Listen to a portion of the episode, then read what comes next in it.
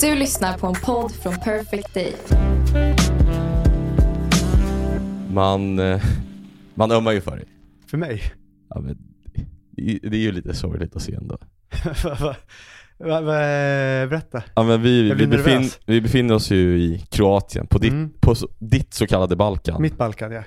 Inte Mårten Anderssons. Nej, inte vårt Anderssons, men du, du går ju runt och gör dig till. Det, är en, det ska vara en cigg i mungipan hela tiden. Det, jag, jag du, röker.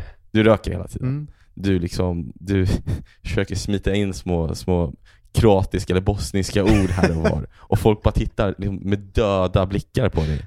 Det känns som att de ser mig. De, de gör ju inte det, de hatar dig. Du förstår att de hatar dig va? Du, du tror att det är charmigt, att det liksom, Det värsta är när de svarar på engelska tillbaka när jag försöker beställa någonting. ja, det är så jävla förnedrande. Jag, jag tänker ge på, en pitta sassirum. Ja okej, that's uh, two euros please. det är så sorgligt. Jag tänker på, har du sett dokumentären med, eh, om Göran Persson, ordförande Persson? ja, ja. Ja, när han pratar om Carl Bildt där. Han säger att det är synd om killen. Han säger det också väldigt bekymrat. Så känner jag inombords varje gång du försöker prata bosniska med någon och de svarar på engelska. Ah. Och dessutom den här hatfyllda blicken de ger dig. Som, Va- va- de vill ju bara ha sina pengar och att du ska gå vidare. Magdas blick, har du fångat den någon gång? Är det den kärleken Ja, men hon, hon vänder sig ju bort där det här sker. Hon skäms ju också. Det är ju, det är ju sorgligt. Är det därför kan hon aldrig vill prata med serveringspersonal längre? Nej men du borde inte göra det. Du borde, du borde bara, du borde bara liksom prata engelska och bete dig som alla andra turister gör här. För du tror att de ska tro att du är en av dem. Men de, de, de ser ju bara på dig som en äcklig turist. De ser på mig som jag ser på Mårten Andersson. Ja men exakt så. Du, det, är- alltså, det är så jävla för, alltså det är förnedrande för alla inblandade, så sluta upp med det. Jag kan säga då, vi befinner oss alltså i Kroatien, i Trogir. Mm. Välkomna till det vadå, avsnittet? Eh, det är din 21. grej säga. 21 avsnittet av podden som heter Eh, Pascal och Johannes. På Wish. På Wish. Eller förlåt, Alex och Sigge på Wish. Men vi, eh, vi, vi är så här för att skriva klart eh, vår bok Nomaden. Precis. Du, jag, eh, våra eh, flickvänner. Mm. Som vi inte ser så mycket av. Nej. Eh, och eh, ja, Elias Giertz och hans flickvän Mm. Cornelia då. Mm. Ser vi inte heller mycket av. Nej, men jag, Framför, du, men du fyller år idag. jag förlorar idag. Det var ingen som noterade detta på frukosten. Nej, tyvärr inte ens eh, Linnea som ändå sov med mig eh, den här natten och eh, Hon pratade väldigt mycket om din födelsedag igår, men idag så var den helt bortblåst. ja. till- Vad fick du present? Eh, nej, jag fick ingenting. Nej. Eh, Men jag ger ju inte heller presenter, men det, det jag var ju tvungen sen att säga till henne, att jag, alltså göra henne uppmärksam på att jag fyllde år Mm. innan vi träffade er så att det inte skulle bli väldigt pinsamt för henne. Ni Eh, grattade? och då, hon, var, ir- hon var irriterad för jag sa, jag kanske går och äter frukost sen. Och då sa hon, eh, vadå ja? Vi ska väl göra det tillsammans? och då sa jag, ja, ja, det var det jag menade. Det var tråkigt att äta frukost ensam på sin födelsedag. Var det så du breakade? Ja, det var så jag breakade. Ganska hårt ändå. Ja, men det var, jag tyckte hon kunde ta det. Jag när Magda glömde min födelsedag här i våras så väntade jag ju till, vad var det, 6-7 på kvällen innan jag avslöjade det här. Ja. Nej, det var ju hotellet som avslöjade när de satte upp, just det. de Happy hade- birthday Ja, Magda skulle gå och hämta någonting på rummet. Men ehm, jag flög ju ner med eh, Elias Giertz då, vår så kallade roadie. Mm. Jag, Linnea, Cornelia och Elias. Ehm, och han, eh, Skötte han sig på planet? han Han, har han flugit någon gång Nej, tidigare? Ja men, ja men det har han. Ja. Men han började ju bråka med eh, två små stekare som satt framför honom. Det var liksom, Är de här Torekovsvinen som man kallar dem sen? eh, ja det gjorde han. Ja. Eh, det var de. De, de läckbergade ju eh, sina barn. Det var alltså eh, några, fast de satt två föräldragrupper Mm. med två grupper barn. Föräldragrupperna satt liksom på rad ett och barnen satt på rad två. Och de levde rövare.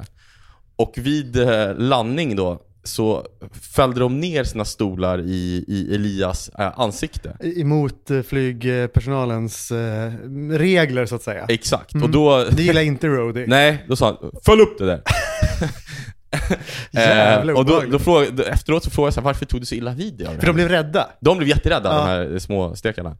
Ehm, då frågade jag var, varför, alltså, varför reagerade du så starkt? Och då berättade han, eh, Elias då, han har ju varit eh, så kallad hovreporter för Oj, är det Expressen. urtraumat till, eh, det har hänt någonting på stan ja, här. på ett plan. Eh, han var ju då, för några år sedan, när han jobbade på Expressen, så Är det här han alltså- gången han ramlade? På Nej, det isen var en annan framför prins Daniel? Nej. Men det här är något annat? Ja, det här är något eh, den, Elias var då hovreporter för Expressen. Just det. Den som bevakar kungafamiljen helt enkelt. Då. Det var han i två, tre år Mm. tror jag. Det var det enda han gjorde. Ja. Följde med dem på resor typ. Ja, och den gången han, han ramlade som du refererar till, det var Mm. när han var uppe i Ockelbo. I prin, eh, prins Daniels då, eh, ja, födelsestad. Jag kommer ihåg att jag var nyhetschef och jag fick inga texter, irriterad var jag. Så visade det sig att han var på akuten. Ja, han, han hade ju ham- halkat på en isfläck när han bar ett stativ åt, åt sin fotograf. Som vi väljer att avhumanisera här genom att inte nämna namnet på, för att vi Det- faktiskt inte vet det är vem det, bara var. Roadies fotograf. Ehm, men då hade prins Daniel faktiskt, det här berättade Elias väldigt stolt om, eh, ringt upp honom dagen efter och Mm. frågat hur det var med honom och frågat vad sjukhuspersonalen hade sagt och sånt. Ehm, det, var, det är han väldigt stolt över. Han, liksom, Så, så de, de ringer sina narrar då och då, är snälla mot dem. ja, lite så. Och Elias går ju på det. Ehm, nej, någon... Men urtraumat då, berätta. Ja men då hade eh, kungen, kungen och Elias, Mm. antar att det var några fler, hade varit i Kiruna. Ehm, och då hade de flugit hem De tillsammans. är inte tillsammans. Bara de två. Nej men då hade kungen suttit på rad ett längst in vid fönstret och Mm. Elias hade av någon anledning fått platsen precis bakom kungen. Mhm. Då hade kungen, det första han gjorde, det är ju en flygning på vad är det, 40 minuter, en Ja, timme max. kanske. Då hade kungen fällt ner sätet i Elias ansikte. Och så här, ah, hade han stönat. Och Elias hade ju inte kunnat säga till kungen att, att så där beter man sig inte. Um, De satt där och knöt näven i fickan. Ja, tills de här stekarna nu dök, dök upp då, Sju år senare. sju år senare. Jag Då, fick hela hans vrede. ja, exakt. Fan vad mörkt. Men du då, hur, hur mår du här på Balkan liksom? Vad, det lyser ju om dig, men det är ju, ja, så Men inte om omgivningen. Nej, exakt. För, de, för mig är det färg, färgfilm, för de är svartvitt hela tiden. Ja. Men idag, jag måste säga att du känns lite mattare idag än vad du gjorde igår. Mm. Idag är det tungt, man hör ju på min röst att Ja. jag har kräkts. Du har kräkts? Jag vet inte om man kan säga att det är jag som har kräkts. Alltså det har kommit ur min kropp, men jag känner mig inte så delaktig i det som skedde. Vad menar du? Sent i natt så skulle vi gå till det här otroliga kebabstället du och jag hittade, Ja, eh, för att äta på vägen hem. Men det var stängt. ja, Och då gick jag in på någon annan fast food restaurang här i Trogir. Och de hade två pizzor kvar. En med ost och en med skinka. Ja. Och jag frågade, är det här, är det här bara ost? Eftersom att jag inte äter fläsk sen jag blev tillsammans med Magda. Den här radik- muslimska radi- radikaliseringen som du brukar referera Exakt, till. du, du är ju livrädd för fläsk nu. Du hävdar ju att det är, det är haram helt enkelt. Det är haram. Och jag har inte ätit det på sju år. Och jag får den här ostpizzan. Och jag äter den girigt, för jag har inte ätit så mycket den här dagen. Jag, Ja. eh, jag tuggar i mig den. Jag minns att jag ser att det liksom ramlar små slamsor. Här på Balkan är liksom, pizza är, det är typ som, man har rivit någon väldigt, väldigt tunn korv. Det är liksom skinkan på, på en, på en, fan de heter, prosciutto eller någonting. Och jag ser att det ramlar sådana ur min pizza. Men jag reflekterar inte över det. Förrän eh, Magda på natten breakar för mig att jag har ätit fläsk. Din smutsiga gris! Din smutsiga jävla gris! Ut! Ut! Ut ur mitt rum! Alltså, In med dig på toan! Fingrarna i halsen! Fingrarna i halsen! Det var inte så olikt faktiskt. Många gånger när du imiterade henne så kände jag att det där är inte Magda. Det här var Magda. Är det så? Vad hände? Eh, fingrarna i halsen. Magdas fingrar i min hals. Nej. men nästan. Det kändes så. Det var Alltså ett övergrepp. över toalett, in med dig på, hon liksom släpade in dig på toaletten, Mm. tryckte ner så här som man, liksom, som folk mobbade andra människor på 80-talet i toalettstolar. Fast här skulle hon bända upp käkarna och så ner med dina, tvinga in dina fingrar i din egen hals då? Nej men jag vaknade en natt vid tre och eh, det pågick saker i mig. Ja. Och Magda skickade in mig på toa med instruktionen, fingrarna i halsen. Jag behövde inte göra det. Det var en utomjordisk eh, upplevelse. Du tror att det var Allah som var sur? Magda tror nog det. jag hann inte nå fram till toalettstolen. Alltså jag var liksom i den här böjande rörelsen när det började hända saker inom mig. Och Det, var... inte ens hulkningar. Det var Allahs vrede Det var en vattenstråle. som kom ur dig. I 45 sekunder, i fyra omgångar. Och det var, det var då jag konverterade.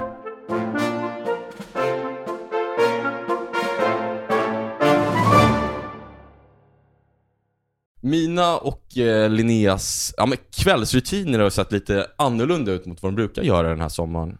Ehm, Du har varit med ditt barn. För en gångs skull. jag, jag lägger ju alltid Benjamin, alltså varenda kväll. Just det, du har läggningar. Ja. Mm.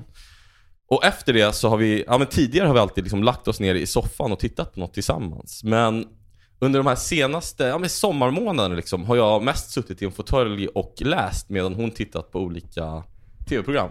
Den här veckan så läser jag Kjell Westös klassiker i den så kallade, jag tror det kallas Helsingforsbuketten. Eh, sviten va?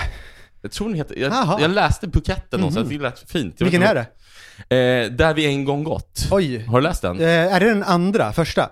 Eh, det är den första. Ja, den är otrolig. Ja. Ja. Och Linnea låg i soffan, drack sitt ja, vidriga matchakaffe som hon börjat dricka och, och kollade på YouTube. Och mitt i, de här, liksom, i den här höglitterära fina stunden som jag hade så nådde mig liksom en jäl jävla röst som fick mig att må väldigt, väldigt dåligt. Benjamins. Nej, nej han sov. Ja. När jag lyfte blicken från, från boken så liksom sneglade mot tvn så såg jag rakt in i Alexandra Kissy Nilssons Oh. ansikte.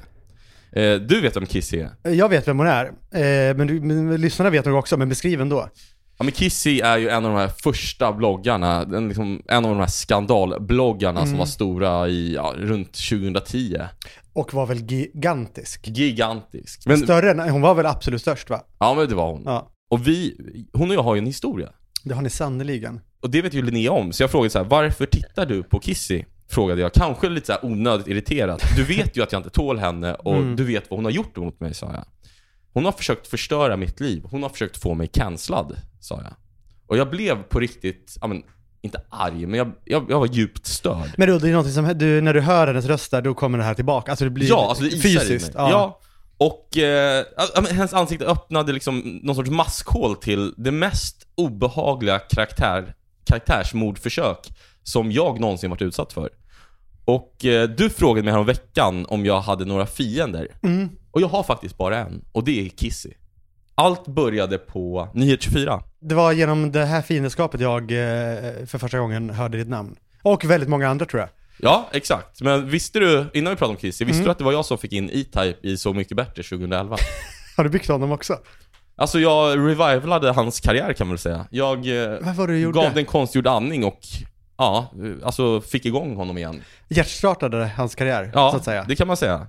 Ibland pratar vi om pressetik du och jag, vi försöker liksom reda ut begreppen som två folkbildare, vara lilla aktuellt tydliga med vad som gäller, även om det är svårt. Ja, Men på Nyhet 24 åren 2010-2011, då var det väldigt otydligt även för dig, eller? ja, det fanns ju ingen pressetik, Nej. eller man kan säga att den var satt lite på undantag. Ja. Alla som arbetade där var ju i 20-årsåldern. I stort sett ingen hade gått journalisthögskolan. Vi lekte tidning och det var ju en väldigt, väldigt bra skola. Tidningen Filter gjorde ju för nå- något år sedan tror jag det var va? Ett stort Just det. reportage om den talangfabrik som Ny 24 kom att bli. Och det var ju liksom en stor ungdomsgård med en stor redaktion mitt på Stureplan. Ovanför Sturehof. Och var man bara envis nog så fick man jobb. Du var ju också Ja, men där. grejen, i början behövde man inte ens vara envis. Det var ju som på industrin i Hallstahammar, när man, när man slutade skolan, industrigymnasiet, så gick man typ och ställde sig utanför Kantalindustrin, så fick man jobb. Så var det ju på 924. Ja, du var också där. Du fick också jobb där eller? Jag fick också, nej på industrin fick jag jobb. men inte, Men, inte på 94? nej, nej Men det du var, där. någon eh, nöjeschef som vägrade anställa mig. eh, Murcio någonting, Pascal. Eh, Släkt med eh, gubben Engman eller? Pascal, tror jag han hette. Eh, Släkt med gubben Engman. Nej men, och man behövde inte ha utbildning. Alltså det var ju folk som, det var, det var nästan ett, liksom ett krav att inte vara utbildad. Ja men det var lite så. Och det- följde med att det där med publicistik och etik, det tog vi ju lite på volley. Vi, vi hade två chefer som tog besluten, och jag, kan, jag ska inte nämna personernas namn just nu, men jag var nöjeschef och mina reportrar var Elin Kvist, idag Head of Drama på FLX, Elias Giertz, vår roadie numera. Eh, Han var så 14 år gammal då, Elin var kanske 18-19. Eh, och då och då dök Quetzala Blanco upp, som var den stora stjärnan. Var det Eh, då hon var ihop med Ola Rapace? Ja, hon var Mm. ju... Det gav henne lite av en särställning på redaktionen. Dels var hon liksom en väldigt, väldigt begåvad skribent. Det är hon fortfarande. Men, och så var hon ihop med Ola Rapace. Och Och hon, skrev väldigt explicit om deras sex bland annat. eh, det kan hon ha gjort, det minns Ja. jag faktiskt inte. Men det, det gjorde hon säkert. Det låg i linje med hennes person. Men hon kom och gick lite som hon ville. Men de här publicistiska beslut, jag ska ge ett exempel på, på hur det kunde gå till. En gång så la Linda Rosing och hennes kille upp en bild på sin blogg. Den föreställde ett bord. Eh, det var liksom en massa spritflaskor och mitt på bordet så låg det en tallrik med ja, en lina kokain helt enkelt. Det, såg ut att vara en lina kokain, det vet jag inte om det var. Det visste jag inte då heller, kan tilläggas. Men eh, hade du publicerat den bilden när du satt som nyhetschef på Expressen? Nej, det hade varit väldigt, väldigt, väldigt svårt. Och man minns ju även Persbrandt-publiceringen. Här, eh, kanske inte här drar, här tar Persbrandt kokain med kriminella. Eh, som Expressen gjorde då? Ja, precis. Som ju blev utskälld och är väl ansedd som en av de sämsta publiceringarna. De blev även fällda och förtals, eh, anmälda och Ja, kravlade även där eh, för den. Och där hade de ändå gjort ett journalistiskt jobb bakom det hela. Men Ja. man kunde fortfarande inte slå fast att det var kokain och var fortfarande förtal. Ja, Men vår- vad gjorde Pascal Engman, nöjeschef på 94? Vår, vårt enda publicistiska jobb gick, alltså det, det Att vi gjorde ladda var... ner bilden eller? Ja, vi, ja, vi såg printscreenade bilden fort som fan. Och sen så ringde jag, ja, då den som fattade de publicistiska besluten och så frågade jag, ja, vad gör du? För det var lite efter arbetstid, man satt ju gärna där då efteråt och hängde och liksom tog en öl. Eh, och den här personen då som var ansvarig för, för publiceringen eh, sa, jag röker gräs i Humlan. eh, vad, vad är det? Lite irriterad. Ja, lite irriterad.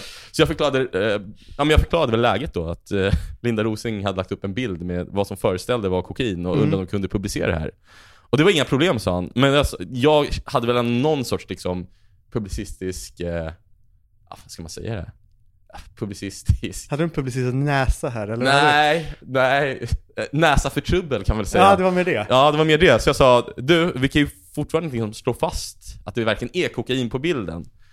Så jag frågade så här, hur kommer vi runt det? Och då sa den här personen något väldigt smart. Han sa, ja men kör rubriken Linda Rosins kokainromantiska foto. alltså som att hon romantiserade kokain. Genom Eh. att jag, den här bilden var liksom en, var en symbol för kokain. Ja, exakt. Mm. Eh, vi fick ju en del skit för den publiceringen med rätta, men den, liksom, den gick ju ändå igenom. Hade det varit någon annan än Linda Rosing så hade det väl kunnat eh, även slutat i rätten så att säga. Ja, kanske om det hade Ja, det varit var någon annan Sjögren. tidning också, Ja. 924 som Mm. hade gjort det, hade nog också slutat i rätten. En annan gång så var jag hemma med min dåvarande flickvän Emma, när telefonen ringde. Eh, Det var Elias Giertz då, vår roadie. Han eh, jobbade som kvällsreporter då, så gick han i, i högstadiet på dagtid. Och jobbade som kvällsreporter på 924 på, kväll, på kvällstid då. Men den, just den här kvällen, man, han, var, liksom, han flåsade. Nu är det skarpt läge, utbrast han med liksom, andan i halsen verkligen. Och jag såg framför mig, ja, vad fan såg jag framför mig? Terror. Ja men något stort, något allvarligt. Liksom att eh, Ulf Lundell var skjuten i huvudet. Fan vet jag. Men Elias sa, Lisebergs hemsida har blivit hackad. Jag sa, aha okej. Ja, hackarna har alltså tapetserat den med massa olika snoppar. Var det riktiga eller?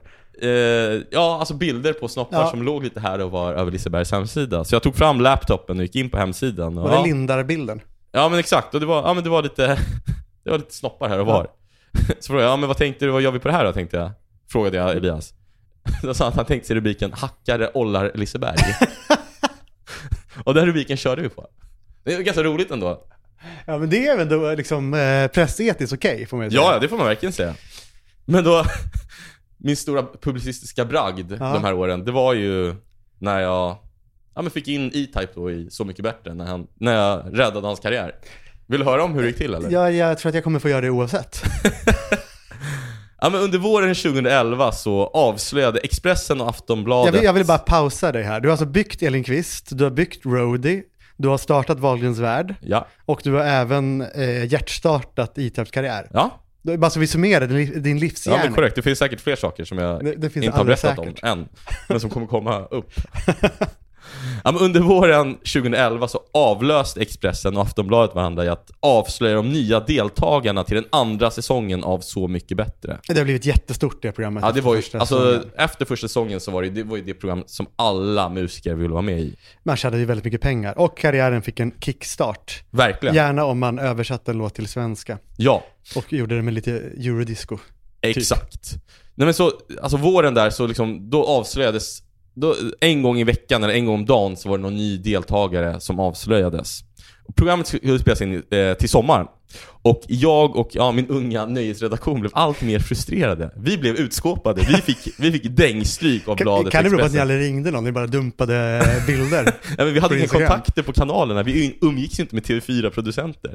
Men samtidigt, vi kunde ingenting om hur det gick till, liksom, hur de här sakerna avslöjades. Så att vi fick för oss att bladet och Expressen, de bara spekulerade. för att vi noterade ju att i slutet av varje artikel så kommenterade ju, så sa ju TV4 att de inte, de avböjde att kommentera. De bekräftade ju aldrig det här. Nej, precis. Ja, och vänta, ni har också kanske lite mm, rätt i en sak. Det finns en väldigt känd kvällstidningsjournalist, inte aktiv idag, men väldigt känd, som brukade gå fram till eh, vattenapparaten, eller om det var kaffeapparaten, inne på, på sin tidning. Och så brukar han klappa på den och säga, åh, min lilla källa. för, att han bara hittar på allt det, stått och snackat med kaffeapparaten. Ja okej okej. Ja men, ja, men de, här, de här stämde ju de här namnen. Även om TV4... Mm. Ja, de här stämde Ja, definitivt. Även om TV4 inte bekräftade dem. För vi fattade ju inte att det var liksom, det var ju skivbolagen och ja, kanske produktionsbolaget Mastiff som, som läckte till kvällstidningarna. För att de, det var bra liksom helt enkelt för, för deras artister. Eva Dahlgren blev klar, Ledin blev klar, Lal är aktuell, Lena PH färdig. Du hör ju, en stark uppställning. Aktuell. Men och TV4 varken bekräftade eller dementerade de här avslöjandena. Jaha, tänkte jag. De hittar bara på namnen, de jävlarna. Då ska vi också göra det. Så till slut, när sju av åtta namn var ute, så samlade jag redaktionen och sa att idag ska vi avslöja den sista Så Mycket Bättre-deltagaren. Diskussionen gick fram... ledare. Ja, diskussionen gick fram och tillbaka. Till slut enades vi om att det skulle bli E-Type.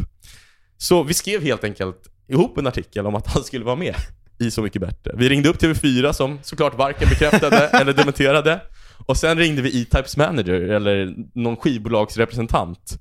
Så han blev ju väldigt förvånad när han fick det här Han blev det, samtalet. va? Ja. Han blev superförvånad. Vad menar du? Det, det här måste jag kolla upp, sa han. Men vi publicerade ju. Alltså utan att han fick kolla upp eller så. Och Expressen, Aftonbladet, alla rewritade ju vår artikel. Ah. Och det som hände sen, har jag fått höra, det är att produktionen faktiskt inte hade en tanke på att ha med E-Type. Men de saknade ett namn. Och de insåg att E-Type skulle vara bra till ja, den här buketten av artister de redan hade. Och när de läste artikeln så insåg de att ja, men han, han ska nog vara med. Så de ringde faktiskt upp honom och lät honom bli den sista deltagaren. Stort. Det här får man ju tänka på när Jakob Nilsson som har förekommit i podden, bo- förläggaren på Bokfabriken, jobbade Ja. på Aftonbladet och ringde upp Bert-Åke Varg för att han skulle Skådespelaren. eh, skådespelaren som gick bort på nyårsafton var det va? Eh, och han skulle då kritisera uppställningen av Sommar i P1, alltså vilka som medverkade. Ja. Men han trodde att han fick frågan om att vara med i Sommar i P1. Och jag Okej. tror att han avslutade samtalet för att ringa sina vänner och familj och berätta. Nej, fy fan vad mörkt. Ah, jättejobbigt att ringa samtalet med efter. Nej, du, du uppfattade nog fel Bert-Åke. Åh. Ja, men och under den här våren så var det ju också Melodifestivalen.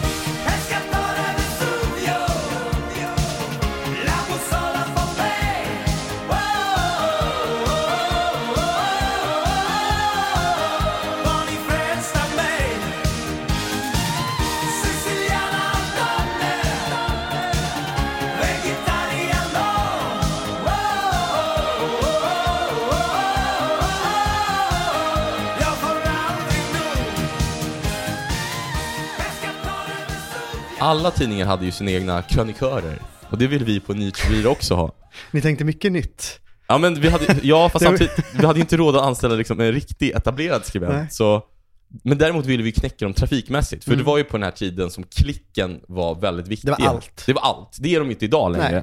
Eh, även om väldigt eh, okunniga debattörer eh, hävdar det. Fortfarande tror det, ja. Ja, Mm. men så fungerar det inte kan vi avslöja nu i sann public service-anda här. I alla fall fortfarande när jag jobbade på Expressen så var det ju väldigt ofta så att eh, en stor del av de klick som kom in var, tjänade man inga pengar på för att man kunde inte sälja så mycket annonser. Exakt. Men det, det gjorde man på den här tiden. Mm. Nisch 4 tjänade ju bara pengar på klick. Ehm, jag vet inte hur de gör idag, men då gjorde de det i alla fall. Eller vi det, ska man säga. Och vi skulle knäcka bladet och Aftonbladet trafikmässigt. Vi behövde alltså en- en billig jävel som klickade satan. Jag såg att Kissis lillebror Peter, han hade en liten blogg som skrev lite om, om musik då och då. Jag tänkte att om vi kan få honom att skriva för oss mot att Kissy länkar hans texter från Nu, sin nu var blogg. du kreativ ändå, det här Ja, gillar då jag. kommer vår trafik att explodera. Mm. Sagt och gjort. Jag kontaktade den här Peter, Peter08 tror jag att hans blogg hette. Och han blev ju superglad. Han, han kände sig som prime-journalist. Eh, och han lovade att Kissy skulle länka varje text han skrev för oss så att vår trafik verkligen exploderade. Och eh, det gick ju bra. Han publicerade en, kanske två krönikor och trafiken gick super. Det var high fives och det jublades och vi satt nere på Sturehof och drack och firade trafikrekord efter trafikrekord. Sen en dag plötsligt så hittade någon på redaktionen ett YouTube-klipp som, jag minns inte om det var Peter då eller Kissy själv hade lagt upp. Där de gick och satt, de gick omkring på stan helt enkelt och satte upp klistermärken för NSF, Nationalsocialistisk front. Alltså det var ren och skär nazistpropaganda de gick och, och spred. Och du minns väl liksom hur hypade och omskrivna bloggarna var på den här tiden? Kissy och Blondinbella, de var väl ungefär lika uppmärksammade som liksom Bianca Ingrosso är idag. allt de gjorde blev liksom nyhetsstories. Och det här var ju en stor grej på riktigt. Att Sveriges mest omskrivna bloggare delade ut nazistpropaganda. Det är ju det är ett skop, det, Det får man det ju ju. säga. Så enligt eh, 94s liksom, publicistiska kompass så publicerade vi genast. I stort sett... Det är också kul att ni inte tar hänsyn till e- egna medarbetare och sådär. Nej, nej, nej. Nej. Alltså vi, det enda vi gjorde, Att det ni var... ändå funderar, vi kanske också ska prata med dem innan, de är ändå anställda av oss och sådär. Ja men det här, vi trodde liksom att bladet och eh, Expressen kunde få nys om det här när som helst. Ja. Så att vi var tvungna att publicera snabbt för att få klicken. Så det vi i stort sett gjorde, det var att vi eh, ja, men, klippte ut videon för att vara först och skrev en kort artikel om Mm. att här, här delar Kissy ut nazistpropaganda. och sen efteråt så gjorde jag ju då det journalistiska jobbet så att säga. Jag gick ut i den här runden ovanför Sturehof där redaktionen låg, där man brukade ringa viktiga samtal. Nedanför den passerade liksom, ja med shoppare i, så det, det, det brusade alltid på ett härligt sätt där. Och jag ringde upp Kissy, jag sa att vi hade sett den här videon och att vi hade publicerat en artikel. Eh, och jag var ju så, så, såklart sådär trevlig som man alltid är som reporter när man ringer upp. Eh, för jag behövde ju också en kommentar från henne till det här. Men det som hände, det var ju att hon blev gallen. Alltså det slog slint i skallen på henne. Hon skrek att jag var en bög och att hon skulle skicka folk på mig. Just Eh, hon var så vansinnig. skicka folk. Men sen kastade hon bara på luren, så att det, liksom, det blev Skönt ingen... tyckte du. Nej men det Nu blev tänker så... jag bort det här bara. Ja, men jag kände så här, ja men fan det blev ingen riktig kommentar. Men jag gick tillbaka till mitt skrivbord och berättade för resten av redaktionen vad som hade hänt. Och ehm, ja, men alla etablerade medier, de spelar ju in alla samtal. Mm. För att liksom denna intervjuar inte ska kunna hävda att den är felciterad. Ja. Vilket folk ändå gör, vilket är sjukt. Ja, det är helt bisarrt. Och vissa människor tror så här, ja, reportern har hittat på allting. Ehm, Men det gör ju reportern eh, i stort sett aldrig eftersom allt finns inspelat. Men på Ny 24 gjorde vi, alltså vi spelade nästan aldrig in samtalen vi skrev liksom ner eh, citaten bara. Men någon sa, det kan ha varit, jag tror att det var Erik Rosén som numera är biträdande chef på Aftonbladet Kultur. Försök ringa upp igen och spela in det, för det är ändå ett bra samtal om hon, om hon liksom drar igång, vevar igång igen. Jag tvekade väl, jag tänkte att hon kan inte vara så jävla korkad så att hon faktiskt eh, upprepar hoten. Hon måste ju fatta att om jag ringer upp igen nu så kommer jag spela in. Eh, men jag tog någon annans mobil, eh, så vi hade inga Ni hade inga bandare heller, nej. så jag tog någon annans mobil, satte den på högtalare och satte min egen på inspelning för att kunna spela in. Och till min förvåning så svarade hon genast. Jag låtsades ju vara lite omskakad och rädd för de här hoten Mm. för att hon skulle upprepa dem. Jag ville få henne att börja prata igen. Ehm, så vi kan, ja, vi kan spela upp lite hur det lät. Alexandra, jag förstår på fullaste allvar inte var, varför du är så sur. Okej, förstår du helt seriöst inte varför jag är så jävla sur? Nej. Du är helt jävla dum i huvudet, din jävla bögäckel. Har du sett vad jag har skrivit om eh, min lillbrorsa och mig? Men du har ju delat ut propaganda. Vad skulle jag göra? Jag är journalist. Jag du måste ju göra? Du ska skriva... hålla käften, du ska ta mina hot seriöst och du kommer få spö ikväll, fattar du det? Om du inte tar bort det inom 10 minuter, du har 10 minuter att ta bort det, annars får du ta konsekvenserna och jag har skickat en stämningsansökan på dig nu. Okej, vad är det, vad, vad är det, kommer, alltså vadå hot? Vad är det du snackar om? Försöker du lugna ner mig? Jag har, jag har stämt skiten ur dig nu och så till fan med att du kommer bli stämd på så jävla mycket pengar så att du inte alltså, kommer kunna du kommer inte ens kunna ta en taxi till Stureplan och leka fred någonting längre, din gamla ju- Träffande. Ja, det var otroligt Hon fångade dig. Men vad är det för snack om att du ska liksom... artikeln, det är ingenting att diskutera. Men vad är det för snack om att du ska spöa på mig? Varför håller du på och hotar? Massa skit. Massa- Massa skit, det här var snabbt av mig. Här kände jag att jag hade det redan. Fattar du det? Okej, och då tänkte du alltså komma hem med Och några lägg till gärna upp det här i en ny artikel för då blir det ännu mer spö. Ännu mer spö. Det är så gammelsvenska. Absolut. Så ta bort artikeln. Ja, du, lite brottsprovokation där. Okej, bra. En stämningsansökan kommer vara hos dig nästa vecka. Okej. Och, Ja, där lägger hon på ja. ja. Eh, Det är otroligt roligt när hon säger att jag inte kommer kunna ta en taxi till Stureplan längre och tro att jag är någonting. Det är, alltså, det är Det är ju... också så många såg på dig då. Tror du det? Ja. Ja men det här blev ju... Bara jag. Ja men det här blev ju enormt. Alltså det blev en enorm grej. Men alla tidningar skrev om det Alla va? tidningar skrev om det, medierna i, P, i SR pratade om det, Aktuellt på TV tog upp det. Var du med? Nej, jag var, Nej. konstigt nog var jag inte med. Det var ju, ja men det blev mycket skit där. Ehm, och jag kan också säga att den här artikeln, när hon hotade mig, blev ju Ny 24s absolut mest klickade artikel någonsin. Det är det, det tar Ehm. med dig härifrån. Ja, men, och jag tog det hela med ro. Jag var ju, alltså, om sanningen ska fram, inte jätterädd för de här Nej. hoten. Eh, och saken föll i glömska. Eh, Kissy var ju paria ett tag liksom, men hon kom tillbaka. Starkare än någonsin. Och ungefär samtidigt som hon började klättra tillbaka liksom, i bloggosfären som det kallades, så, så blev jag värvad till Expressen. Och nu, nu måste jag hoppa några år här. Ja. Våren 2016 så är jag på Mr French, den här restaurangen i Gamla stan.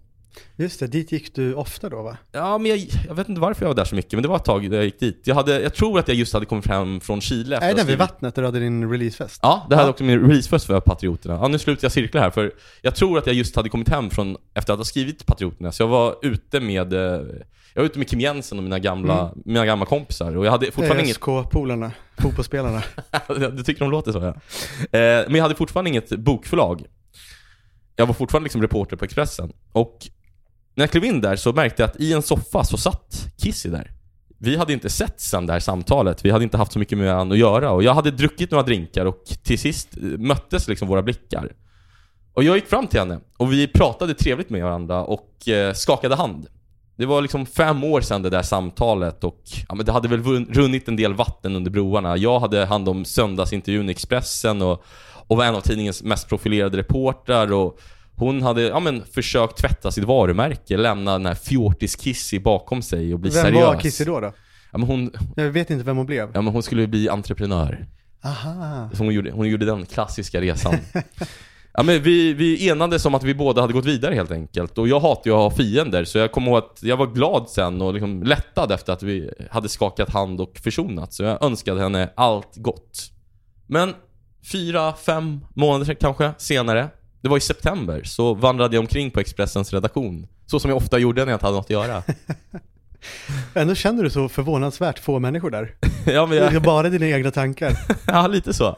Men eh, jag var nöjd och glad minns jag. För att Gick du där och letade efter Thomas Mattsson eller Alice Lind? De skulle berömma dig för någon text skrivit. Ja, Mattsson berömde jag aldrig, men han pratade ju inte med mig. Men Alselind berömde mig. Men jag, jag var väldigt nöjd och glad, minns jag. För att bara någon vecka tidigare så hade Ann-Marie Skarp, eh, Piratförlagets förläggare och eh, före detta VD, och jag setts. Hon hade läst Patrioterna och eh, ville ge ut boken. Den skulle komma ett år senare, hösten 2017. Men jag gick runt där och liksom mös. Två kaffe. gånger har hon refuserat mig. Har hon det? Mm. Det är många som har refuserat dig. Är det det? Ja, Det gör henne knappast unik i bok-Sverige att ha Ja, refuserat det är nog bara hon som har refuserat mig. För jag har inte, ja det är bara Ja. hon. Ja, vad, Det, det, det beror ju bara på att det, det är bara tre som har fått läsa och, och de andra har sagt ja. Ja men mig, mig, min bok tycker hon mycket om i alla fall. Ja, ja. Så, så att det fanns något där. Mm. Inte. Men, eh, ja det blev ju succé sen. Nominerad till Årets deckardebut. Visste du det? Patrioterna. Bra bok, läs den. Ehm, ja men jag, jag, jag snackade väl med folk. La Mm. uppenbarligen inte deras namn på minne. Eh, drack kaffe. Tog en sväng förbi kulturredaktionen. Tyckte jag om att Gjorde göra. Ja. Ja. jag tyckte om att stå och kolla på... Tyckte de om att du tog en sväng Nej, de förbi? tyckte jag var äcklig. Det fanns en kvinna där som alltid hade hörlurar, hörselkåpor på sig. Så här byggarkåpor. För att de stördes av ljudet, alltså från nyhetsdesken som Ja, låg exakt. ett helt kvarter bort. med väggar emellan. Ja, men jag, jag smög alltid förbi det. Jag vill ändå visa respekt mot Ja. de här djupa tänkarna som satt där. Ehm, men det, det, min an, anledning till att jag var där, det var att de ha- hade alltid travar med böcker som de inte tänkte recensera. Där låg Mm. alla deckare. Där, Mm. ju, där låg ju förmodligen Patrioterna några, ett år senare. Jag har fått bilder av både vår och min, eh, min eh, första bok eh, liggandes där. Och även på SVT Kulturnyheterna. Väldigt sent kvar när det bara är tre böcker kvar. Ingen har tagit den. Ja, exakt. ja men där, där på den här vagnen som då, det var liksom Mm. en rullvagn med massa böcker som kulturen tyckte var för, för värdelösa för att recenseras. där, låg, eh, där låg en bok som hette Hatad och älskad. Kissys Aha. ansikte på den. Hon hade alltså skrivit en självbiografi. Jag vände på den för att läsa baksidestexten och det här, det här kanske du förstår, det här citerar jag inte ur minnet utan jag, stod, jag letade upp baksidestexten nu och, så du förstår vad det är för bok vi har att göra med här. Hatad och älskad är mitt bokslut. Mitt farväl till den gamla Kissy. Min resa från stökig tonårsrebell till feminist och entreprenör. Är det, ett, det är som ett AI-genererat pressmeddelande. Men inte minst en inblick i bloggvärldens brutala baksida. Vill du Som höra mer? offer här. Jag vill gärna höra mer. Det är en massa skit där i bloggersvärlden. Alexandra Kissy Nilsson gjorde sig känd som 15-åring genom att trycka på sina bloggläsares knappar. Hon festade, bråkade, bantade och bloggade sen om kaoset utan hämningar. Hennes läsare hatade att älska henne och älskade att hata henne. Idag, tio år senare, vill hon göra slut med den gamla kaosälskande Kissy.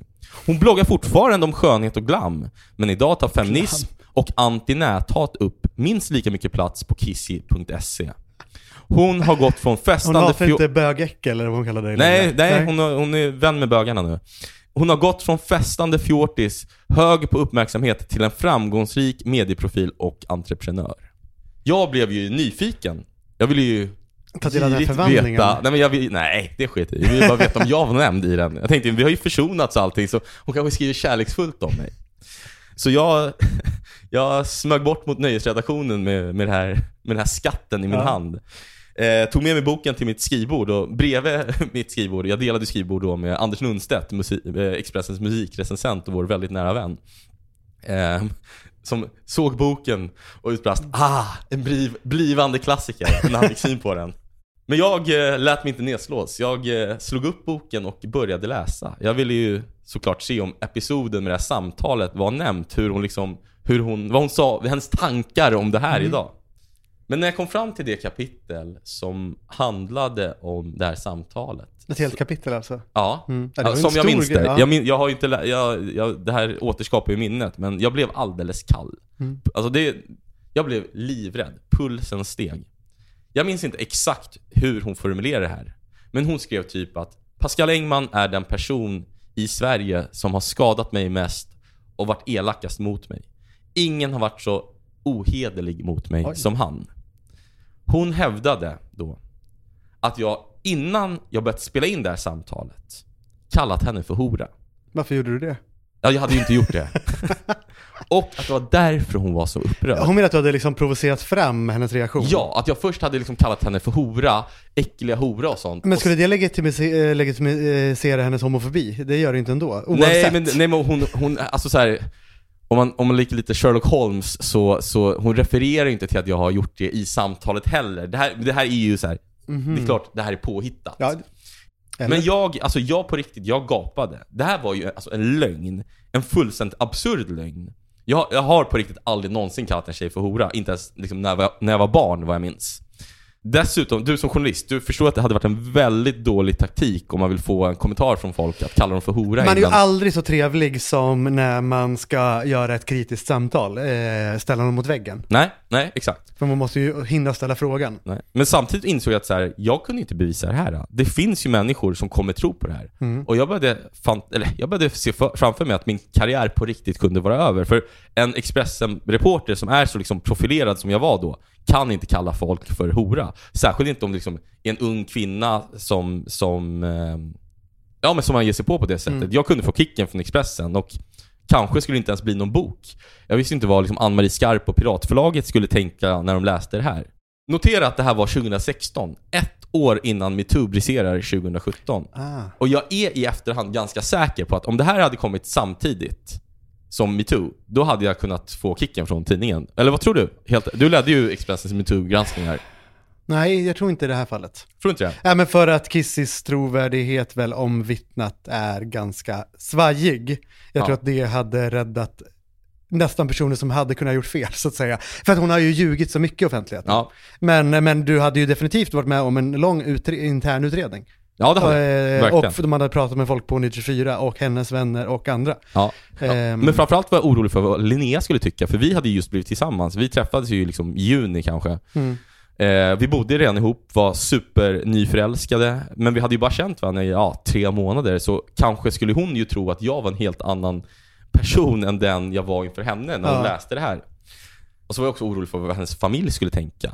Och bara att det här publiceras, för det skulle du kunna göra i vissa sammanhang, hade ju skadat dig något enormt. Ja. Bara att du får svara på det här, Ja, nej, men så det, skulle många tro på detta. det hade ju varit en katastrof och det kände jag, men jag kände, tänkte också att det är bättre att förekomma än att förekommas. Så jag tog med mig den här jävla boken, reste mig och gick till centraldesken där Expressens redaktionschef Magnus Alselind satt.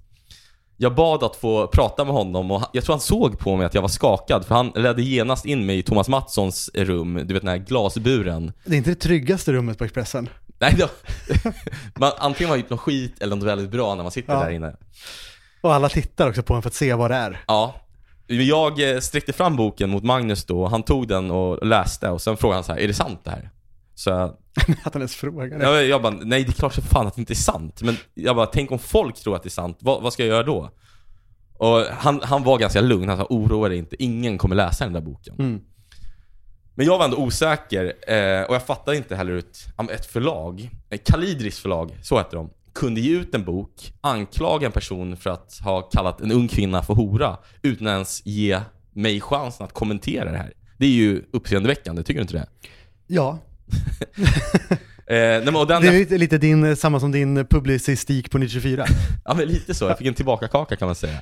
Jag gick, eh, jag, jag kommer ihåg, jag gick hem till Linnea väldigt, väldigt nervös och eh, sa att jag behövde prata med henne. Jag tog med mig boken till och med och visade henne. Jag skulle vilja varit med de här dagarna. Eh, hon läste och jag, jag förklarade, jag bara det här är en lögn, jag hoppas du förstår det. Jag skulle liksom aldrig kalla någon för hora. Mm. Eh, och hon, hon sa att hon trodde mig och på publiceringsdagen och ja, de följande dagarna så väntade jag mig hela tiden ett samtal från någon redaktion. Alltså boken, det här var innan den kom ut alltså? Ja, det här var några dagar innan den Mm. kom ut. Jag tror den kom ut i oktober liksom. Men inget samtal kom och inget hände. Den blev väl ingen stor säljare kanske, den där boken om Kissy. Men den gav mig en fiende för livet. Den gjorde verkligen det. För vad är det för person som gör så? Hittar på att man har kallat någon för hora när den själv har gått runt och klistrat upp liksom, propaganda för nationalsocialistisk front. Det är en så brutal, liksom, sinnessjuk Mm. lögn. Så varje gång jag ser Kissys ansikte, hör hennes röst, då tänker jag på den där lögnen som kunde ha avslutat min karriär. Och fram till den dagen när hon faktiskt kommer fram till mig och säger Fan, förlåt att jag ljög och försökte cancella dig, så kommer hon vara en fiende till mig. Och Linnea, hon ska ge fan i att kolla på YouTube-klipp som Kissy medverkar i. Hon är också en livsfiende nu.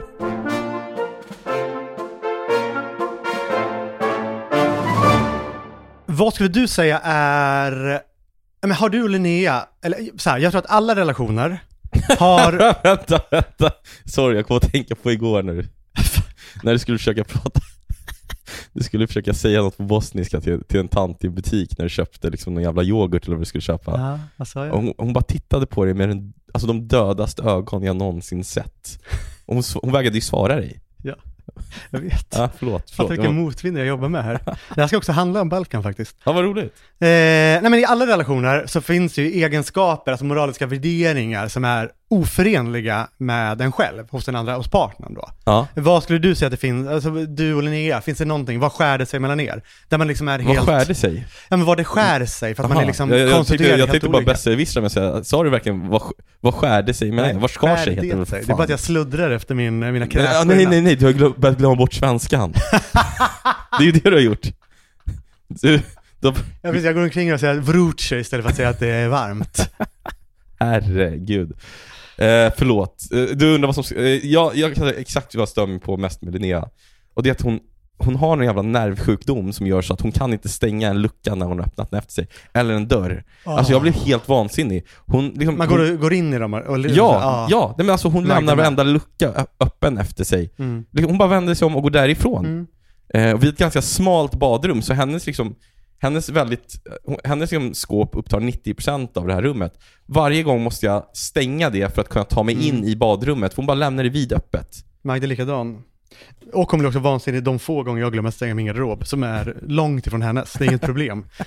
Ja men det var Ehm, väl ingen, det var ingen eh, moralisk kanske skillnad, men... Nej, du kanske kommer på någon längs vägen här. För, Ja. för det jag ska prata om, eller jag ska ta dig till, du är ju på Balkan, men jag ska ta dig till mitt Balkan.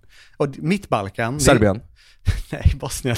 Bosnien Det, det är det som är min, min och Magdas skiljelinje, eller så landsgränsen. Du brukar, säga, du brukar säga att Mårten Andersson, han får ta grisätarländerna, medan du tar den, det muslimska jag Balkan. Precis, Ja. jag, jag behåller Bosnien och Albanien kanske. Ja. Ja. Nej men, det här är vår landsgräns och det är liksom ett krig. Liksom vi, vi, förflytt, vi flyttar, liksom, vi slåss om var gränsen ska dras. Och ja, men det här är de grejerna som gör mig helt jävla vansinnig på henne. Det är det jag ska prata om. Det är det, är det här som liksom vi bråkar om. Ni bråkar väl aldrig? Aldrig. Men innan jag gör det, innan jag tar det till mitt, mitt Bosnien, så jag tänkte visa dig några bilder som du ska få beskriva. Jag har smsat dem till dig om du har din telefon där i. Du ligger i soffan här. Jag ligger... Eh, Man ser faktiskt konturerna av poddkuken. Vi har badat och Pascal har inte satt på sig eh, byxor efteråt.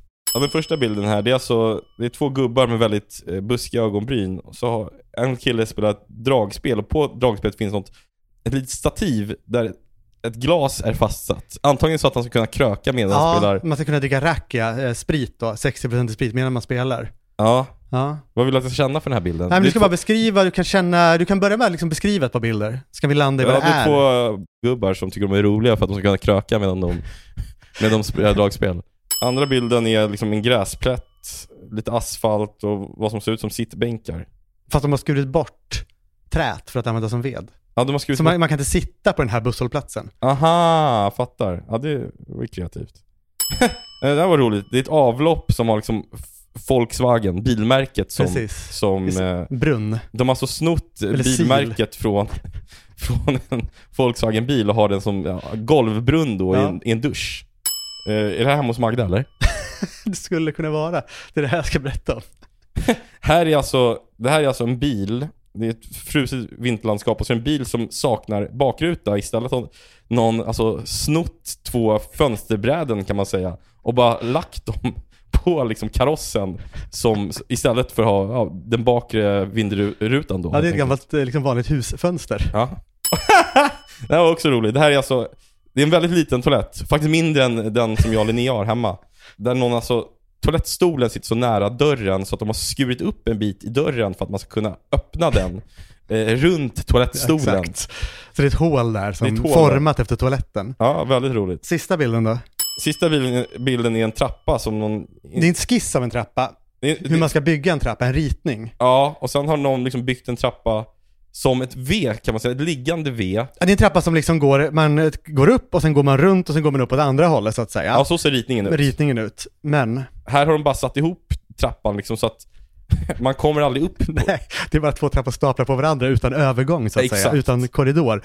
Och det här är något som, det här är Slavic Science. Det här är liksom memes som finns på olika konton, eh, så Balkankonton på nätet. Okej. Eh, och man tror att det här är på låtsas. Det här är inte ens de värsta bilderna, men det här är Balkan. Så här ser det ut i Bosnien.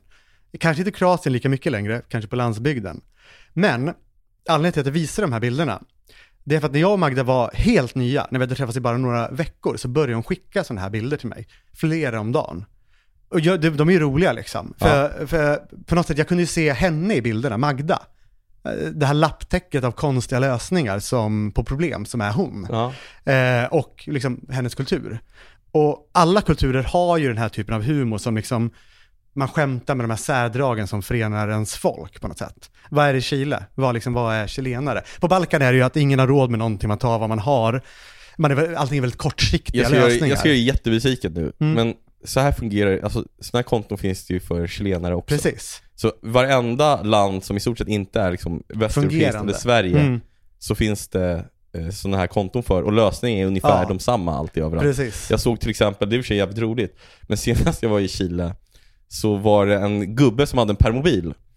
På taket hade han alltså monterat, på, han hade byggt som någon sorts liksom, tak på permobilen, Mm. där han alltså hade solceller monterade.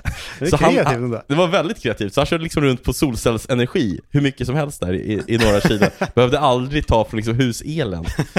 Eller geni. Ja, men jag tror i alla fall att de här bilderna, för när man skämtar om sitt land då är det ofta med överdrifter, det är fulla ryssar och sådär. Ja. Men när jag kom till Bosnien så insåg jag att men det här är ju, det här är ju Bosnien. Det ser ju ut så här. De här bilderna är liksom, de är egentligen en friserad variant av Bosnien. Det är en snällare version. Det är Masked Singer-versionen av Bosnien. Ja. Och jag tänkte ge er en scen från mitt första dygn i Bosnien, någonsin. Spännande. 2017 på sommaren. Var, var, var det Bosnien redan då eller? om jag var, Ja. det, kanske är det så att jag kommer bli bosnier under den här berättelsen. Okej, okej. Ja,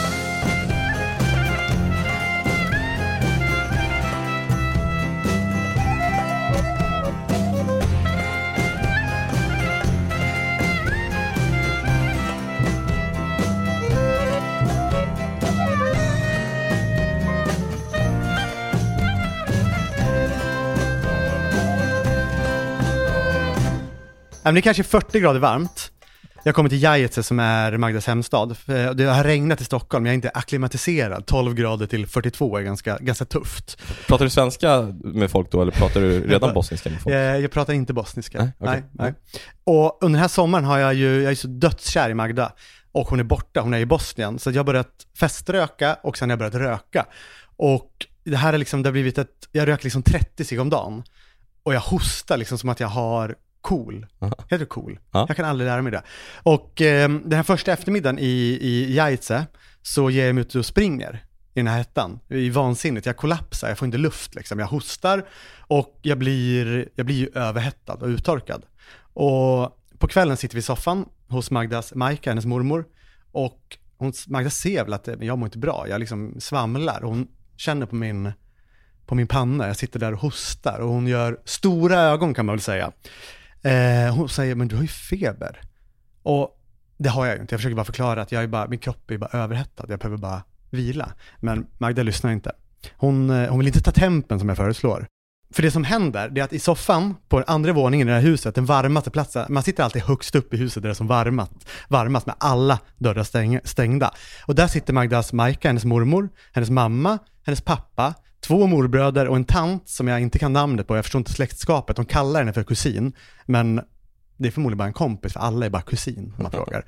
Varje gång jag frågar, men hur är ni släkt? Så vänder sig Magdas pappa till, eh, mot Magda och säger, eh, kakuse kashe? Och alltså vad, eh, vad, vad säger man typ betyder det?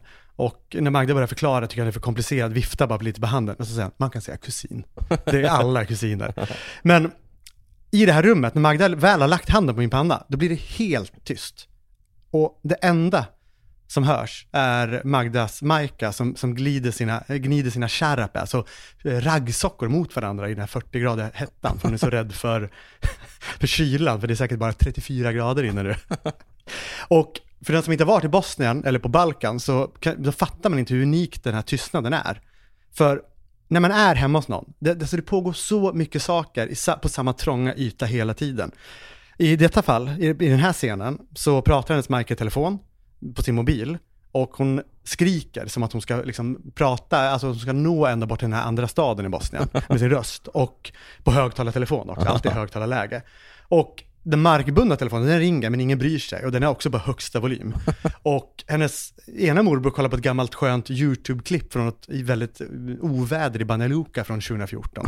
Och mumlar lite och skrockar och håller upp för och visar. Och, och det är liksom, alla pratar i mun på varandra. Och alla skriker också eftersom att Magdas Majka hör dåligt. Hon har fått en hörselapparat från Sverige, men hon är för stolt för att använda den. Hon hör inte dåligt. Så alla måste skrika till henne hela tiden. Så det är liksom ett totalt kaos som bara plötsligt tystnar. Och alla stirrar på mig. Och, och, och den här liksom påstådda febern som jag har. Och plötsligt så är det som att det är som att åtta överläkare har samlats för att överlägga hur de ska hantera den här patienten, som jag då alltså. Ja, det är en hetsig diskussion. Det är mycket, det är mycket liksom, hej det gör sådär och liksom, det är mycket, jag förstår ingenting, men jag förstår att man har olika åsikter. Och Det är eh, en man, liten läkarkonferens helt enkelt. Ja, precis. Det är som att de ska, liksom thoraxkirurgi eh, på en väldigt sjuk patient. Multisjuk patient. Och eh, det ojas och sådär. Plötsligt så, så översätter Magda att hennes Majka har kommit fram till ett beslut. Jag ska, jag ska stoppa mina fötter i plastpåsar. Och i de här plastpåsarna så ska de hälla ner stark, stark vinäger. Och sen ska man sätta gummisnoddar runt anklarna så att det inte läcker ut. Och så ska jag sova på natten för då kommer febern dras ur kroppen. Och hon lägger till att det är väldigt viktigt att vi har alla fönster stängda. Det här tror jag är hennes egen agenda egentligen. Hon är så rädd för, för promaha, alltså drag. På, det kallas för, liksom, det, det betyder drag, men det är liksom the silent death i Bosnien. Ja. Det- det- Det är i Chile också. Min, min, Ja, pappa, så. Ja. min pappa hävdade alltså på, på fullaste allvar att hans syster blev förlamad av drag när hon var liten. Hon förlamades i typ en vecka hävdar han, eh, och sen, men sen var allt bra igen. Ja, alltså igår fick jag höra att man kan få autism av, av promaha då. Aha, okej, ja, du ser. Ja, jag, jag orkar inte ens protestera, det går inte att övertyga folk, åtta liksom, överläkare som inte pratar samma språk om, om någonting. Så jag, jag, jag sover med vinägerpåsarna Ja, på du gör det? fötterna. Ja, stängd, stängd fönster. Och jag får också en hostmedicin som jag ska dricka. Och när jag liksom skruvar upp locket och ser att men det här är ju liksom Kisseljak, alltså det är Ramlösa flaska, Kisseljak, det är liksom ja, källvatten eller någonting. och det pyser, liksom, det här, när jag öppnar. Det, det ska jag inte göra, för det har ju jäst. Det är liksom, det, det är gammal skit som har stått och jäst i flera år. Och, och jag, liksom, jag, jag dricker den här, det smakar som typ häxblandning. Och, Varför gör du det här? Två deciliter får jag i mig. Och jag vaknar dagen efter, ingen feber, Aha. men utslag över hela kroppen. jag har fått en allergisk reaktion på den här vinägen. Och det brinner i magen. Alltså det brinner i magen. Eh, det, för den är ju så stark. Ja. Alltså det är ju, ja det är fruktansvärt. Jag tror jag måste kräkas. Jag, jag går ut i köket, Magda sover. Hennes Majka som jag inte kan prata med är uppe. Och eh, jag tar mig lite för magen och jag går och häller i mig eh, kisselameko, det är alltså syrlig mjölk, typ fil eller yoghurt eller någonting. Och det bara brinner ännu mer. Eh, och då, hennes Majka tillkallar min uppmärksamhet utan att jag liksom vet vad hon säger. Hon pekar på ett så litet dokumentskåp som står bredvid soffan, du vet som, sådana som står under skrivbord egentligen. Ja. Och ehm, så, så frågar de, frågar de liksom eh, Bolly, eh, stomach, alltså smärta, magen. Ja, nickar jag. Kisselina, ja, syra då liksom. Ja, ja. Syra? Sy, alltså syra i magen, magsyra Aha, liksom. Ja, fattar. Ah, de promma muttrar hon. Drag då. För då har hon väl märkt att jag har smugit upp och öppnat fönstret under natten, det gillar hon inte. Det är säkert kommit in så här 25 grader luft i huset i en timme. Och eh, Omapresol frågar hon, och det är ju samma på svenska. Ja, absolut. Och hon, hon pekar mot lådorna, jag ska ta för mig och börja dra i dem så här. Och jag inser att alla de här fem lådorna är fyllda med mediciner mot olika magkrämpor, allihopa. Och Eh, hon rycker upp en jättestor burk som inte har något märke på, det är ett vitt pulver i det. Soda bicarbona säger hon, okej. Så tar hon fram fem kartor och eh, mumlar något om Omapresol och sådana där namn liksom. Och jag håller upp ett finger i luften och ett två liksom. Och så här som en fråga, ska jag ta en eller två? Ja. Sve, säger hon. Alla ska du ta. Okej. Så jag tar två av varje av de här tabletterna. Och jag tar också det här vita pulvret, men hon förklarar att det ska vara vatten i det, liksom Ja. vodka. Okej, och så blandar jag ut två matskedar. Hejde, pop i säger de, drick nu. Kom igen. Och jag gör det. Och tre timmar senare så sitter jag i en bil. Jag har feber igen. Och det är någon form av inbördeskrig som pågår i min mage. Alltså det är som det som hände i natt, fast gånger tusen. Jag har inte längre problem med någon syra, utan det som har hänt är att den här väldigt stora linneskjortan, XL, jag Ja. väger 69 kilo Ja. här, den är för trång. För magen har svällt upp.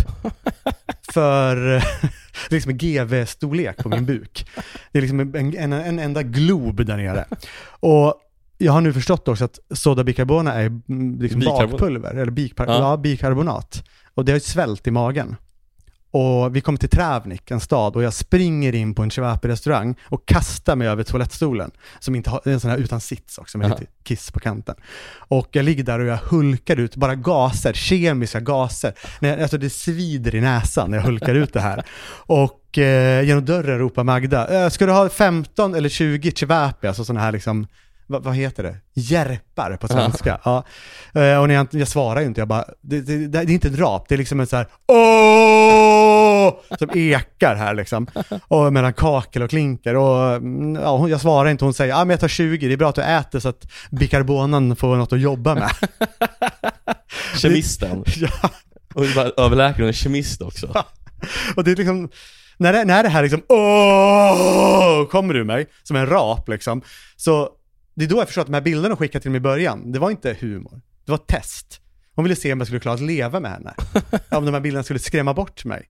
När jag ligger där så tror jag att hon ville att jag, eh, se om jag skulle tåla att leva i ett land där varje liksom, lösning på ett problem föder ett nytt problem. det är liksom alla beslut fattas för att om 20 minuter, då kommer du må bra. Men om en timme, då jävlar får du betala priset. Det gör ingenting. Då löser vi det. Och det här var sex år sedan. Men nu är vi i Bosnien igen. Vi har varit här sedan, ja, en månad nästan. Och eh, samma hus, hennes Markas hus i Jajce. Ni bor där allihopa? Ja, Ja. det har hänt saker sedan dess. Vi är ju äldre, vi, vi har barn. Jag har ju fått lära känna Magda på riktigt. Här var hon ju ändå ny för mig. Vi har varit tillsammans i ett år. ja. Och Ett en- enigma. Eh, ja, hon är liksom inte, hon är ju tyvärr fortfarande ett enigma. Men jag har fått se det här Slavic Science eh, skrida till verket i vardagen varje dag sedan Dino föddes. Och när vi kommer till Jajce, då har liksom en spricka bildats mellan oss. Det, är liksom en, det finns en irritation mot mig, mot de här bosniska lösningarna på allting. Jag, jag, jag liksom, jag, allt, I allt Magda gör så ser jag hennes kortsiktighet. Jag kan ge ett exempel. Veckan innan, du vet hur det kan vara med våra barn, de äter inte alltid. Ja. De kan ha en vecka för att de har ont i någon tand eller någonting och inte äter. Och för oss har det varit att, ja men på, på föris äter han allting, men hemma så vill han bara ha mackor eller granola. Exakt samma för oss, Ja, förutom och det är också för att han hittar granolan, för att den står längst ner. Då går han öppnar den och så börjar han äta ur påsen eller ur grötpåsen. ehm, och då läser jag på, okej, om man bara tar bort de här sakerna, och inte erbjuder det, då kommer de vilja äta vår mat när de väl blir hungriga. Ja, barn, alltså barn låter sig inte svälta som de inte är väldigt sjuka. Ja. Vi bestämmer oss, vi två överläkare och konferens och bestämmer oss för det här. Samma kväll så går vi och handlar.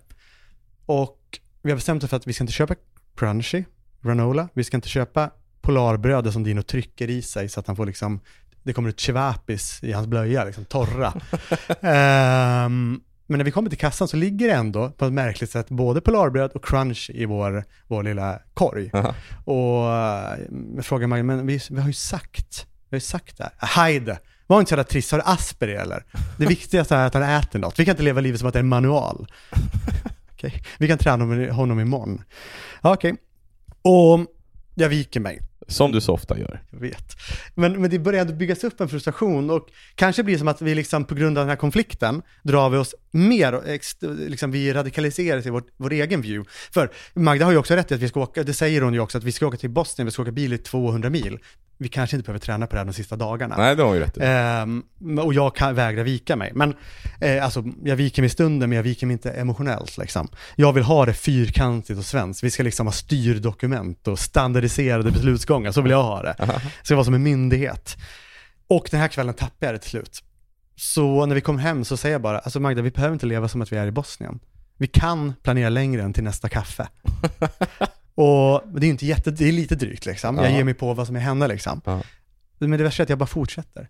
Jag säger också, jag, ska, oh, jag får lite ångest här. Nej men förlåt, så, så långt har ingen Bosnien bosnier någonsin planerat. För i Bosnien så är alltid någonting slut när man behöver det, som ingen handlar innan allt är helt slut. Man lämnar också förpackningen kvar så man tror att det finns kvar. Eh, och det är alltid när affären stänger om tio minuter, man får hetsa dit. Och så glömmer man någonting.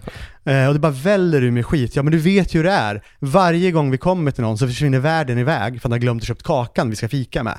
Och man sitter och bara trummar och väntar och liksom dricker kaffekopp på kaffekopp. Och sen när hälften av gästerna har gått, då kommer han hem. Och så visar det sig att, nej men jag skulle bara lämna en grej hos min kompis och sen, han bjöd på en kaffe, men alltså, sen hade jag ju mat också, och kaffe på maten, och det har gått fyra timmar. och, och, när, man, och liksom, när han kommer hem, det är ingen som blir arg, de bara, "Jaha, hur mådde kompisen? det är, alltså, ah. Och när jag haft min lilla tirad av ilska där, då stirrar bara Magda på mig. Hon är så jävla kränkt, eller hon är ledsen. Är det, du förstår henne eller? Ja, verkligen. Varför är hon ledsen? Jag får att du har pissat på Bosnien. Ja, för för jag pissar på henne, eller hur? Det Ja, är det. Jag har ja. inte pratat med henne om det här, men det är väl det. Ja. Jag kunde inte ta upp det för Jag är skämdes också så väldigt förvånad. Ja, för jag älskar ju Bosnien. Ja. Det är det som är så sjukt. Jag älskar ju att det inte funkar. Ja. Men nej, jag fattar inte.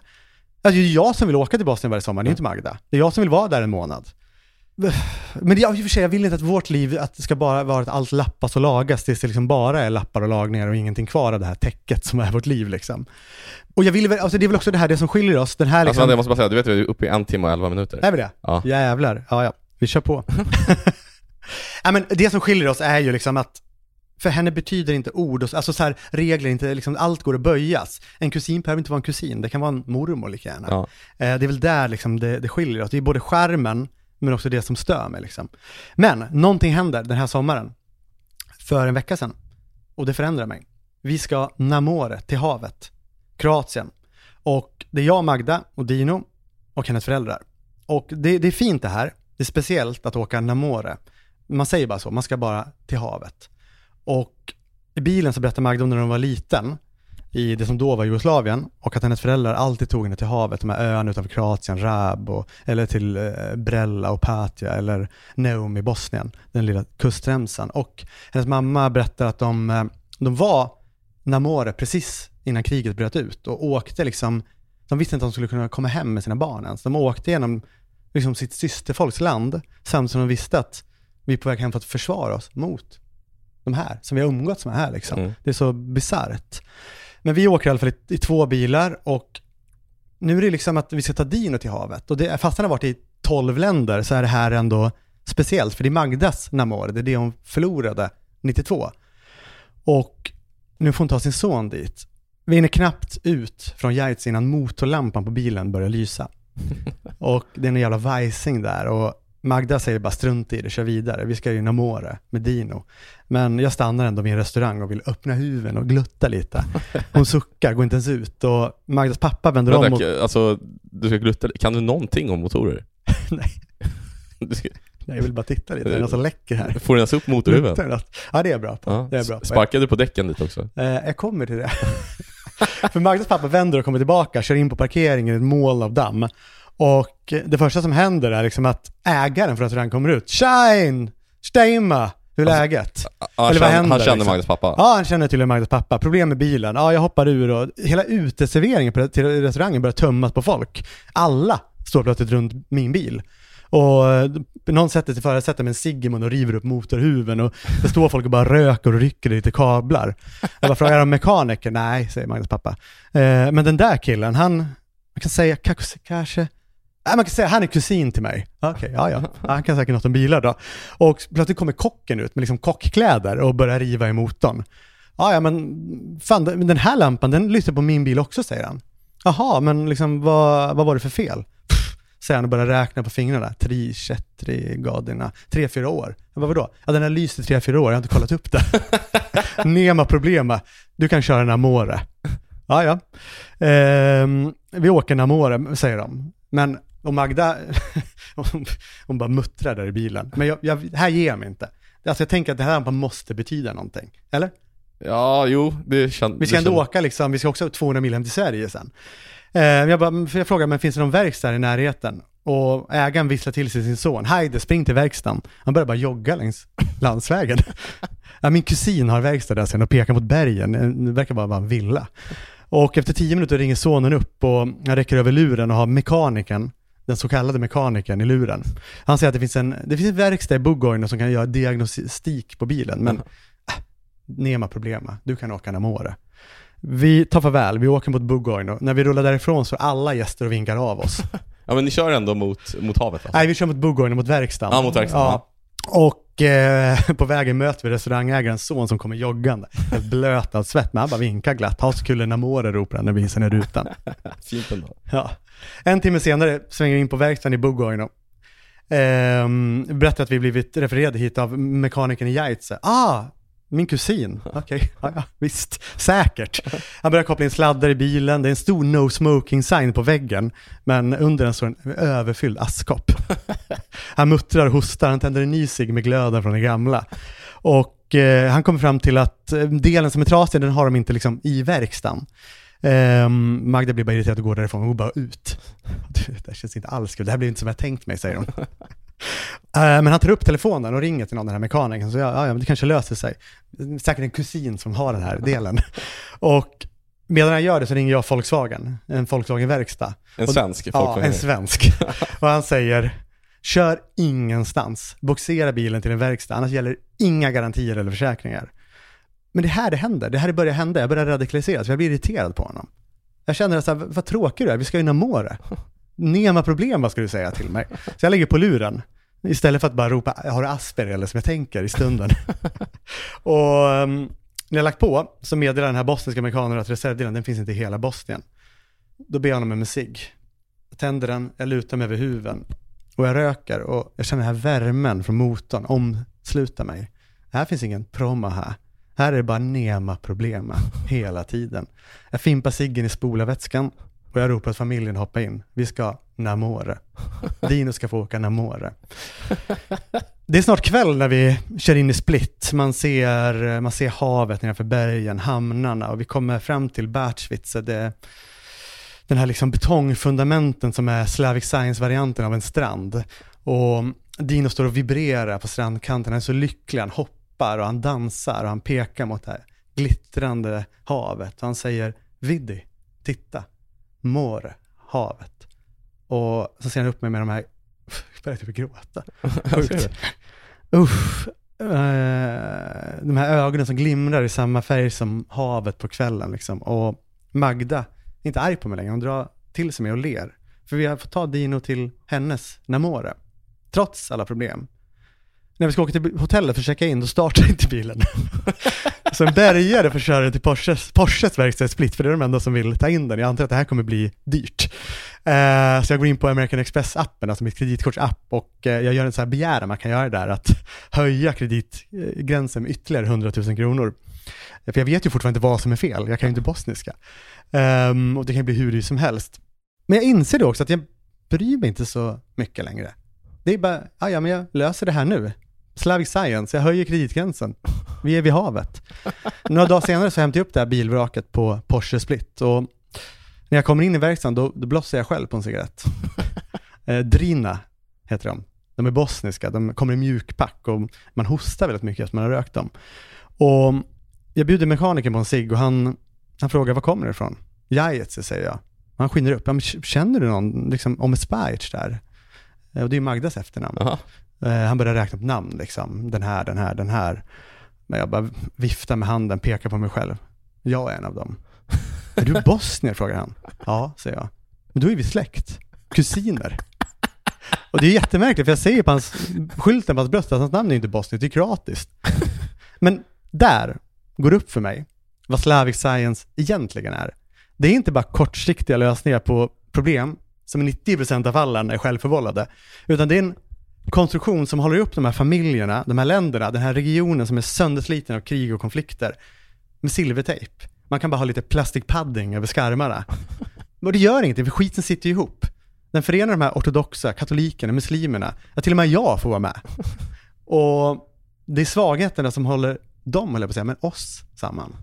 Och kanske finns det också lite hopp därför. Och när jag blundar och blippar mitt kreditkort för att slippa konfronteras med den här summan, hur mycket det kostar, då, då ser jag bara Dinos ögon för mitt inre. De glittrar och så löses de upp och blir till Namore, havet längs Dalmatiens kust. Och så öppnar jag ögonen och stirrar på de här nollorna på kvittot. Och jag känner ingen ångest alls. För vad kommer Dino egentligen komma ihåg av mig när jag är borta? Att vi fick ta ett sms-lån för att köpa en ny bil? Eller att jag tog honom Namore till havet? Thank you.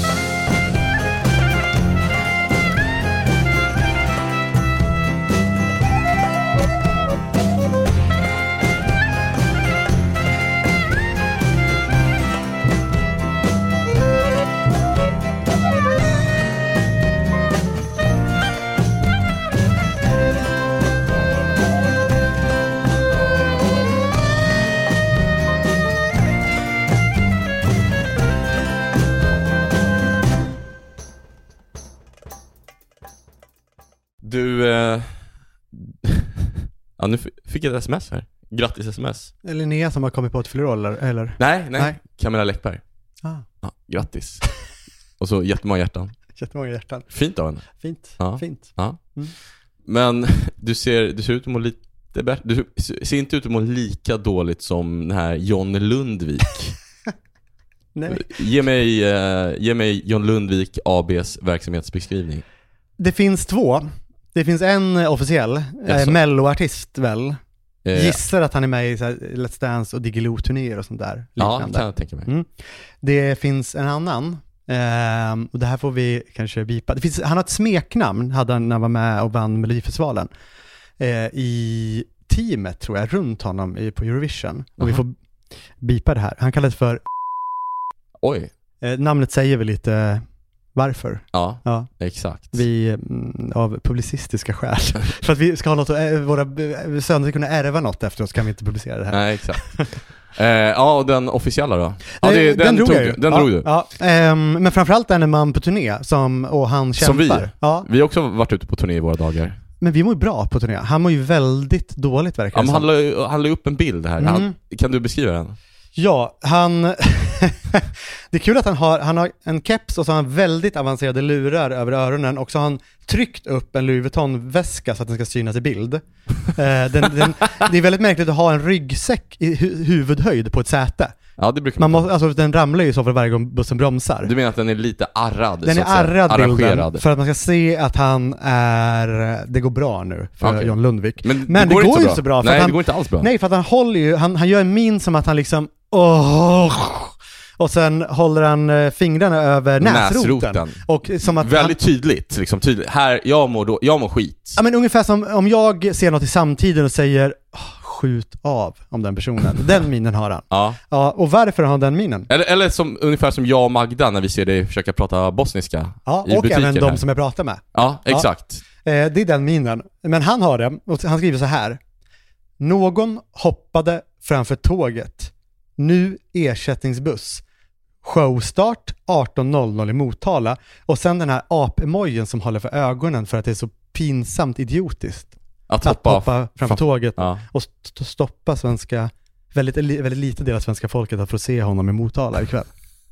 ja, det är ju magstarkt ändå, det får man ju säga. Jag har två tankar om det här. Du har två tankar, okej? Det ena är att det är ju, det, det säger ganska då vi ska mycket. säga att han, han raderade ju den här bilden ganska snabbt, så jag antar att någon gjorde honom uppmärksam på att det kanske inte var så smakfullt att framställa sig själv som, som det stora som offret, offret, när någon har i... tagit livet av sig och en stackars lokförare har behövt drabbas av det här också. Ja. För att det är ju liksom ett stort arbetsmiljöproblem för lokförare Ja, verkligen. eh, som lider av PTSD liksom, i hela livet. De har inte fått hjälp många av dem tidigare i mm, liksom, karriären. Eh, men den andra tanken är också att han, han är modig, Jan. Han är Sveriges modigaste man. Du, du, du hyllar honom nu. Du, du tvärvänder.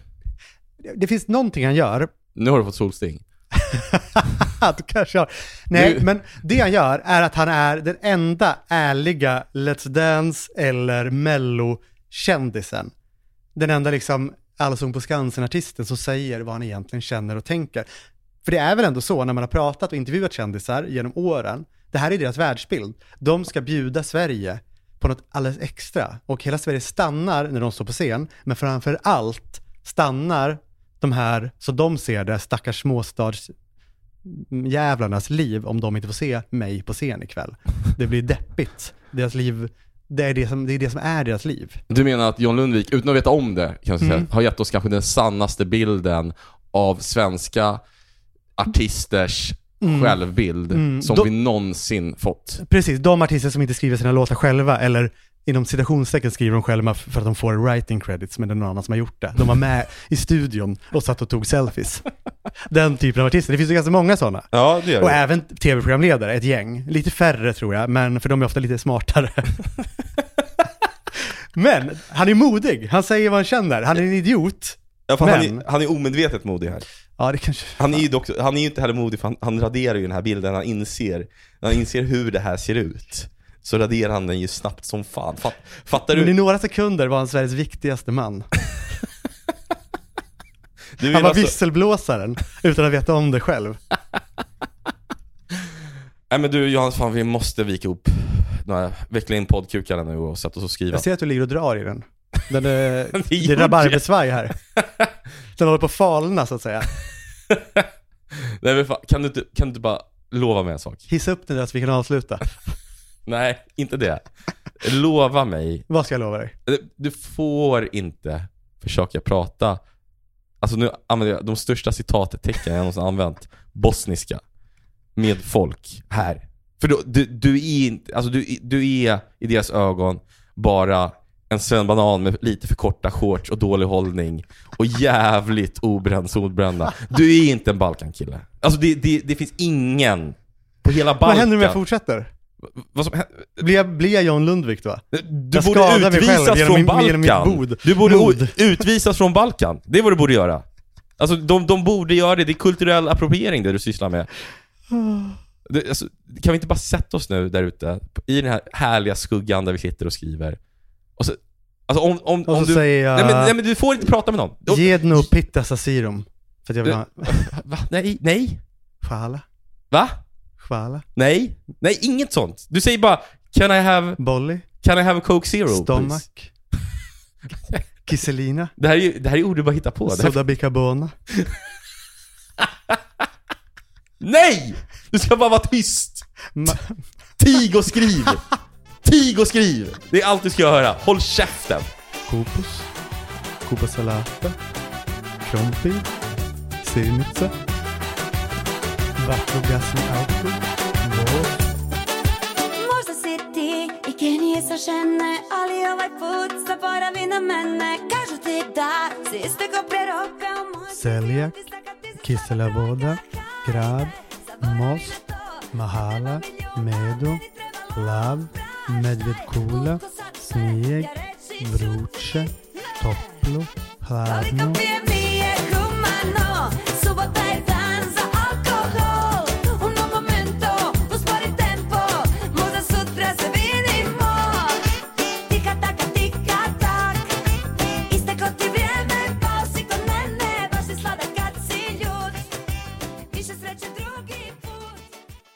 Jedan, dva, tri, četiri, pet, šest, sedam, osam, devet, deset. Den här podcasten är producerad av Perfect Day Media.